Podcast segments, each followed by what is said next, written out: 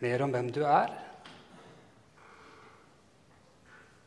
At det må bli levende for oss, den sannheten.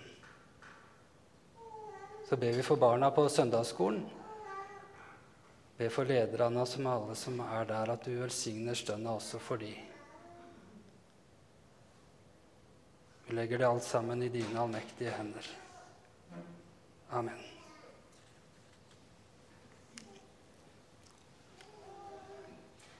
Det er fjerde søndag i advent. Alle fire lyset er tent. Vi skal være sammen om Marias lovsang.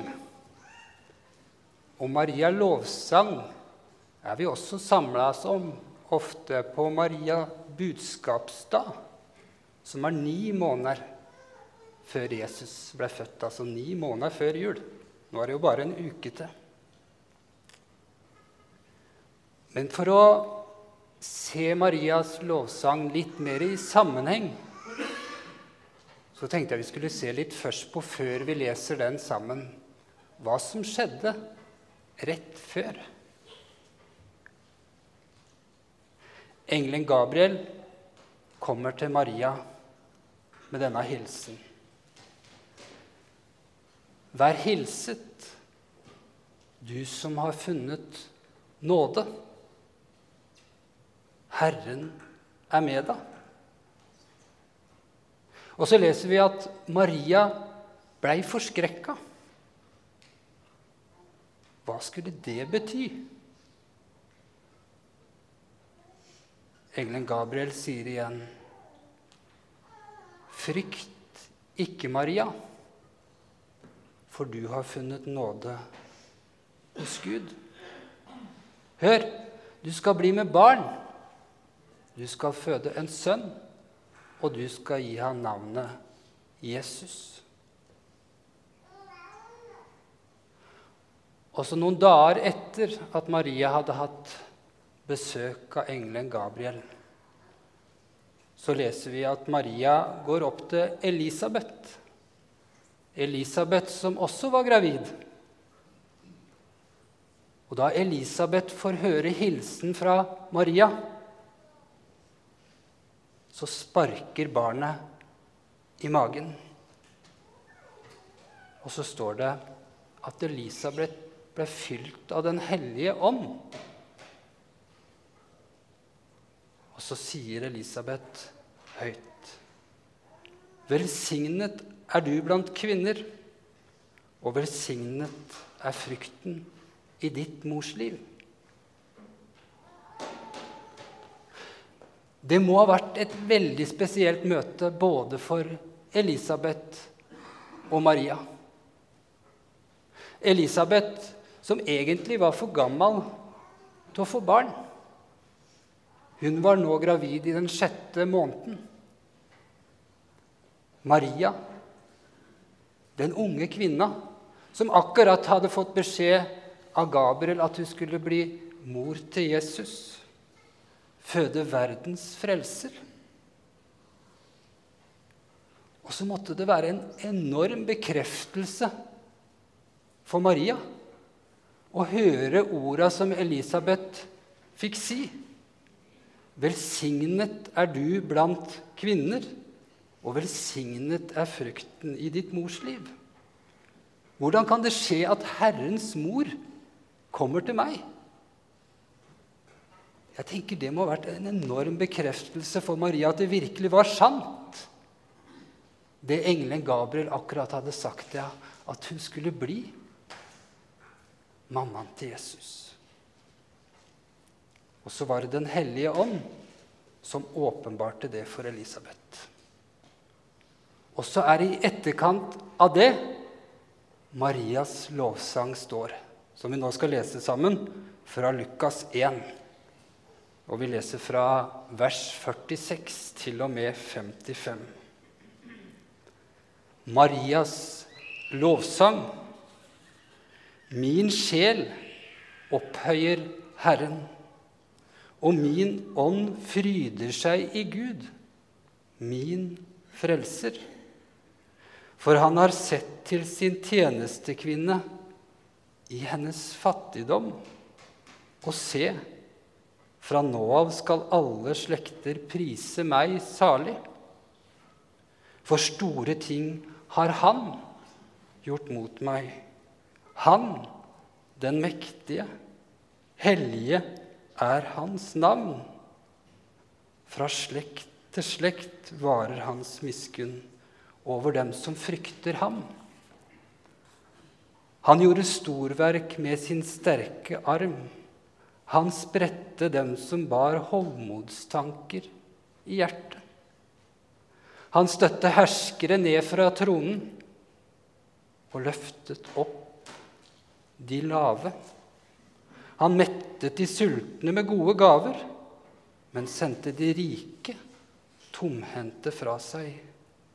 Han tok seg av Israel sin tjener og husket på sin miskunn slik han lovet våre fedre, Abraham og hans ett, til evig tid.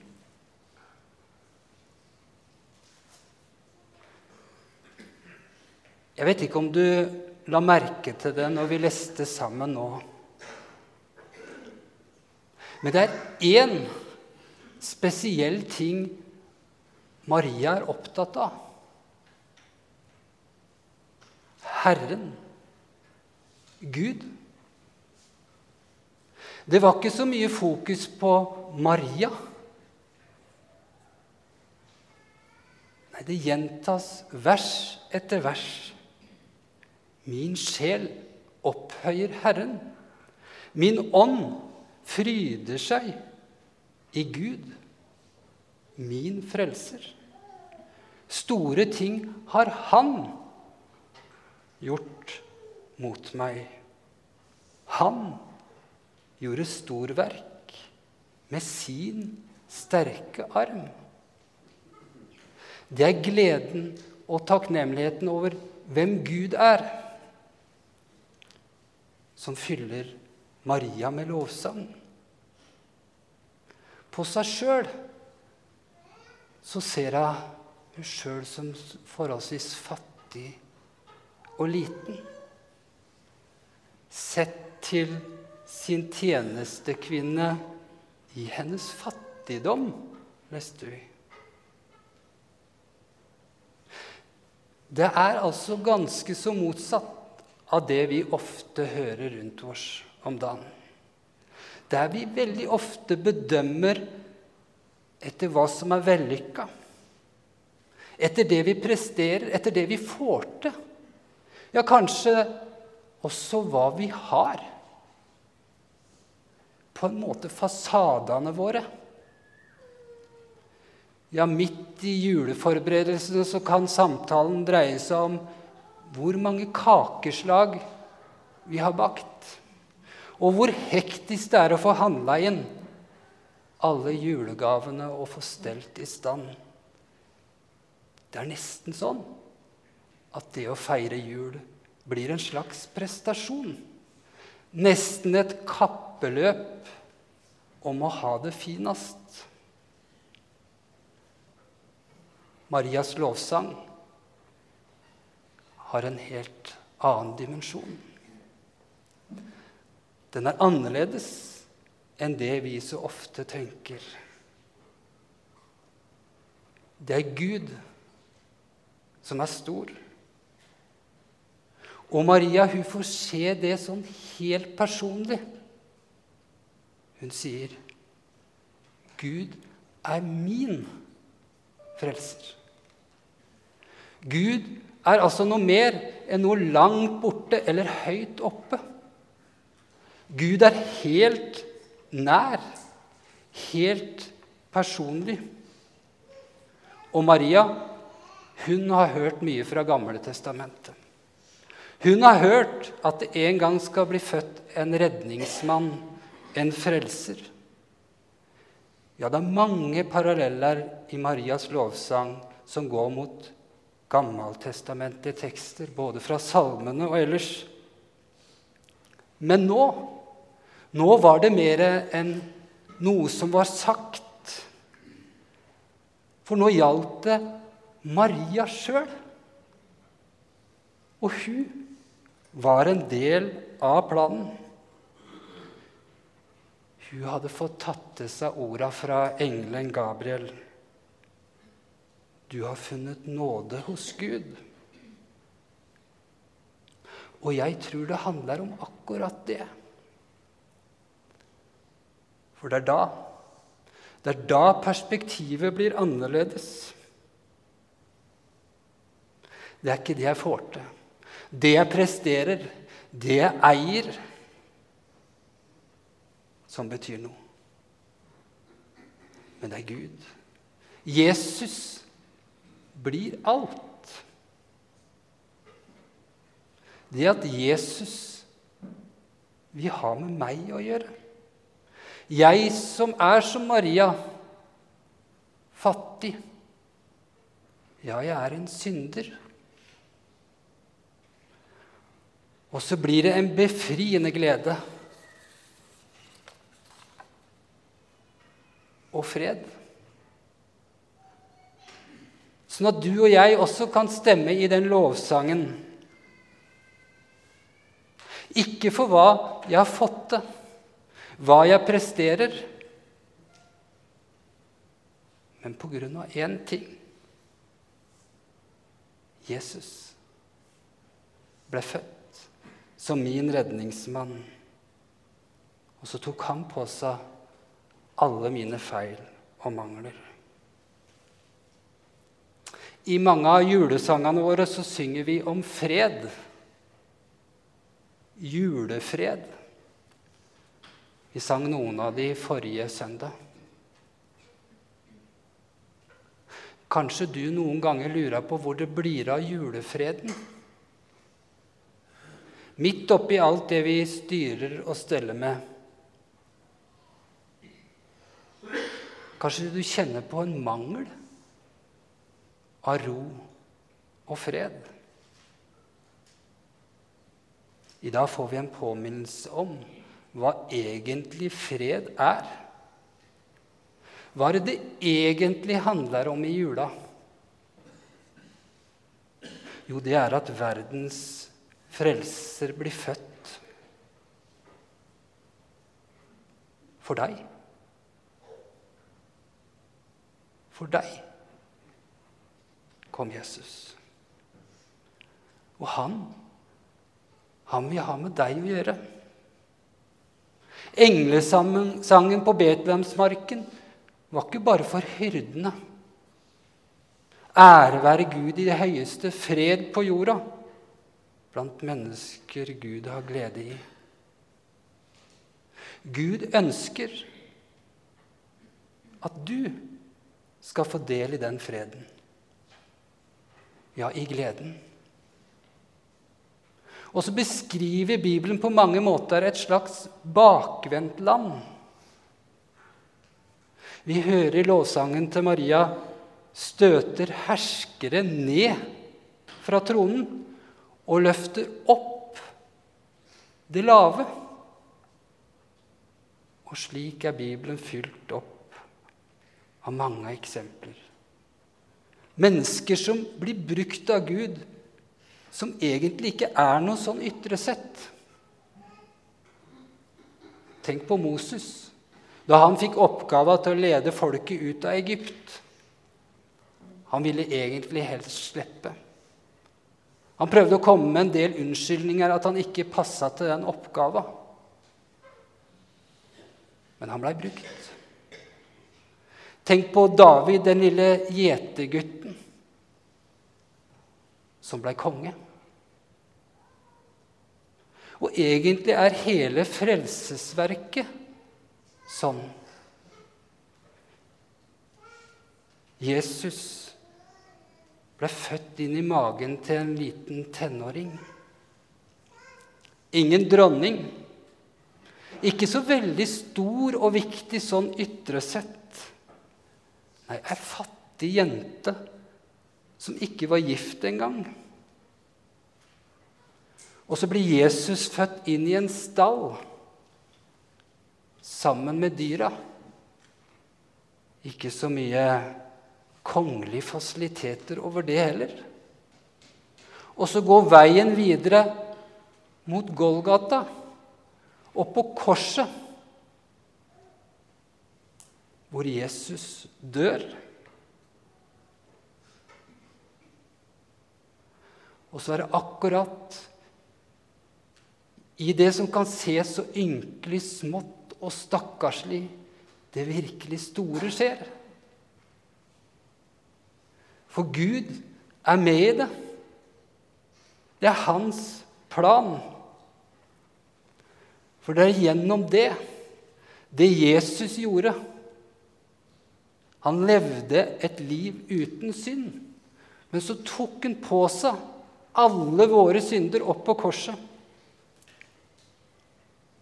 Det er det som gir grunn til lovsang.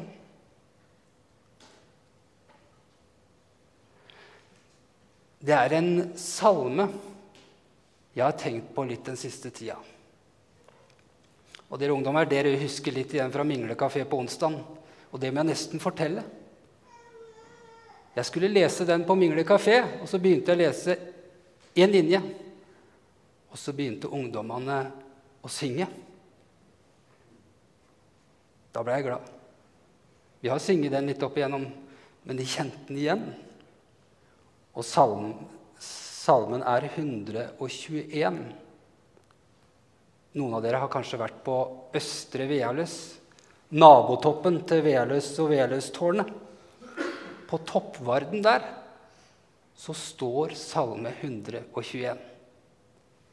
Jeg løfter mine øyne opp til fjellene. Hvor skal min hjelp komme fra? Min hjelp kommer ifra Herren, himmelens og jordens skaper.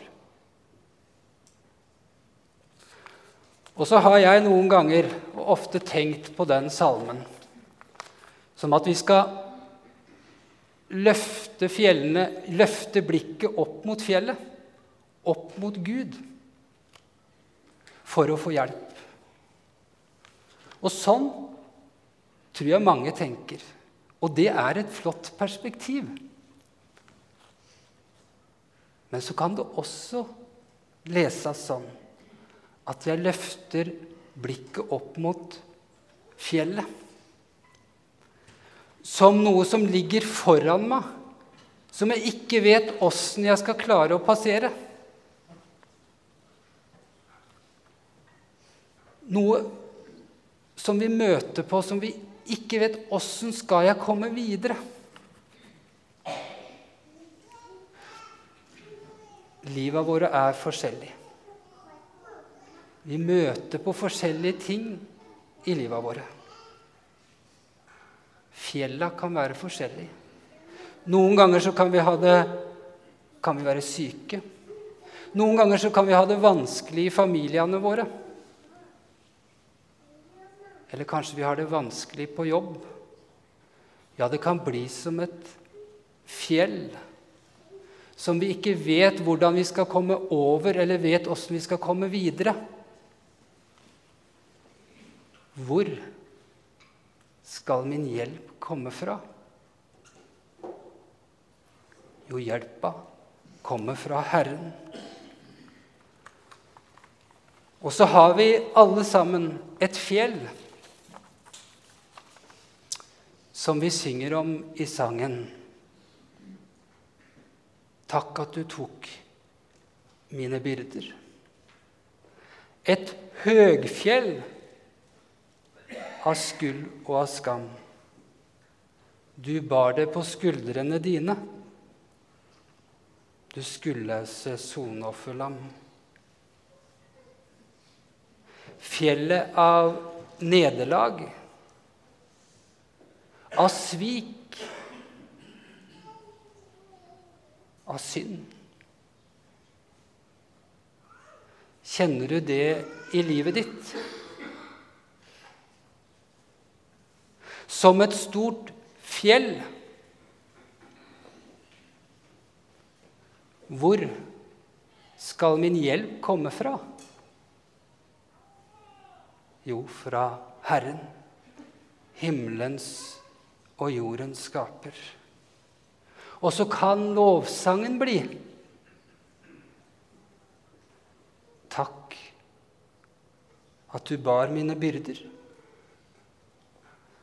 Takk at du bar mine synder. Og som vi synger om i siste verset, så vil ved korset eg stanna med undring. Jeg ser. Jeg er fri. Jeg er fri. Og i Salme 32, som også har en del paralleller til Marias lovsang, så leser vi Og hør nå. Salig er den som får sine lovbrudd tilgitt og sine synder skjult. Salig er det menneske som Herren ikke tilregner skyld, som er uten svik i sin ånd.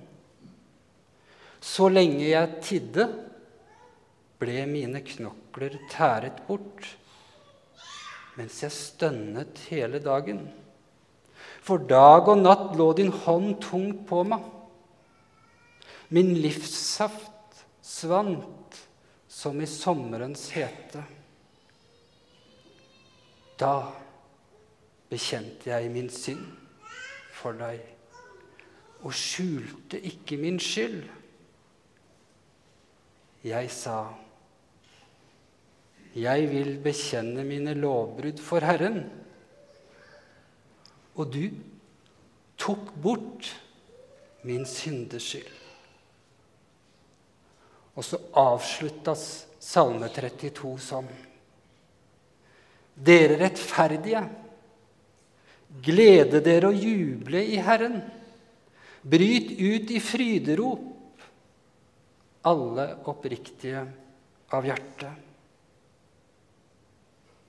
Juble i Herren. Bryte ut i fryderop. Det må være lovsang. Nettopp fordi jeg er fri. Jesus har tatt min syndeskyld. Og så kan vi vitne som Maria om at Gud har sett til meg i min ringhet, i min fattigdom. Maria hun hadde fått erfare og sett storheten av Gud. Store ting har han gjort mot meg. Han er mektig og hellig er hans navn. Fra slekt til slekt varer hans miskunn. Det er som om Maria peker tilbake til løftene.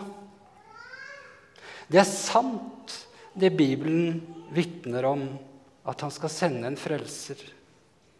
Det som bl.a. er profetert om i Jesaja 7. Derfor skal Herren selv gi dere et tegn.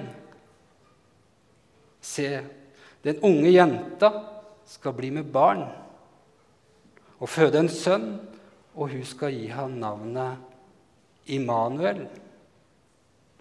Og Immanuel, det betyr Gud med oss. Og så er det som Maria også ser Herrens trofasthet og miskunn fra slekt til slekt. Og så leste vi fra Romerbrevet 15.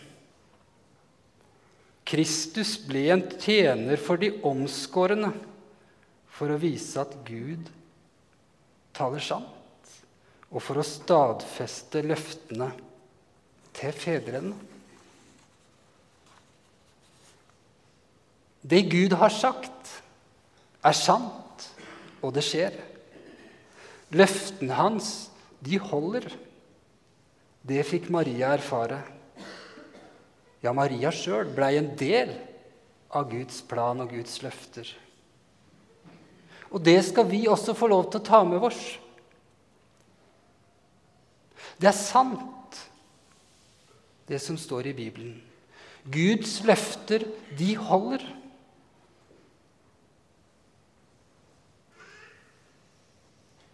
Og så har jeg fått erfare at det er ikke bestandig så lett å forstå.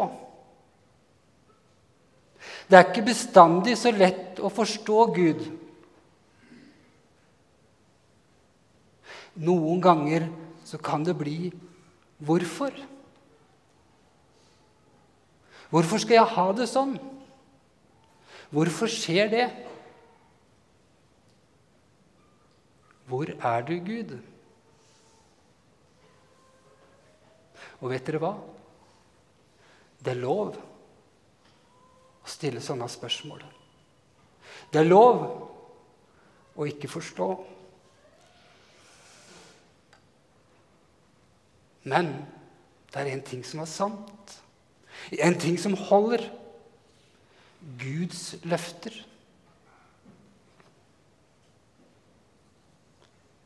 Det erfarte Maria, det fikk hun se. Og det var ikke Marias kraft. Det var ikke Marias evner eller styrke. Det var Gud. Det var Herren.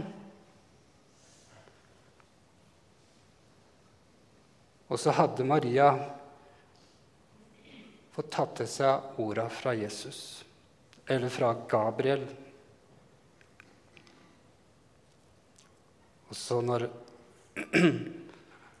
sier Maria, når du får den voldsomme oppgava til å være Jesu mor Se, jeg er Herrens tjenestekvinne. La det skje med meg som du har sagt. La det skje med meg som du har sagt. Tilliten til Herren, ikke i egen kraft, men på Herren på løftene og på hans makt.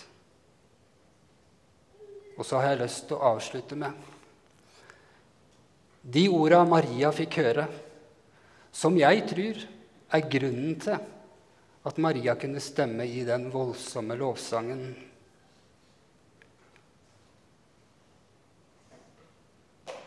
For du har funnet nåde hos Gud. For du har funnet nåde hos Gud. Og i dag så er de orda til deg og til meg. Gud ønsker å gi deg det. Midt i din fattigdom. Midt i ditt liv, i din svakhet. Han vil og sier det til deg. Du har funnet nåde hos Gud.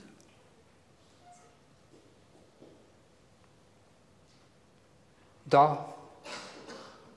er det virkelig grunn til å gå inn i julehøytida med, med glede, med takknemlighet. Ja, da kan julefreden komme.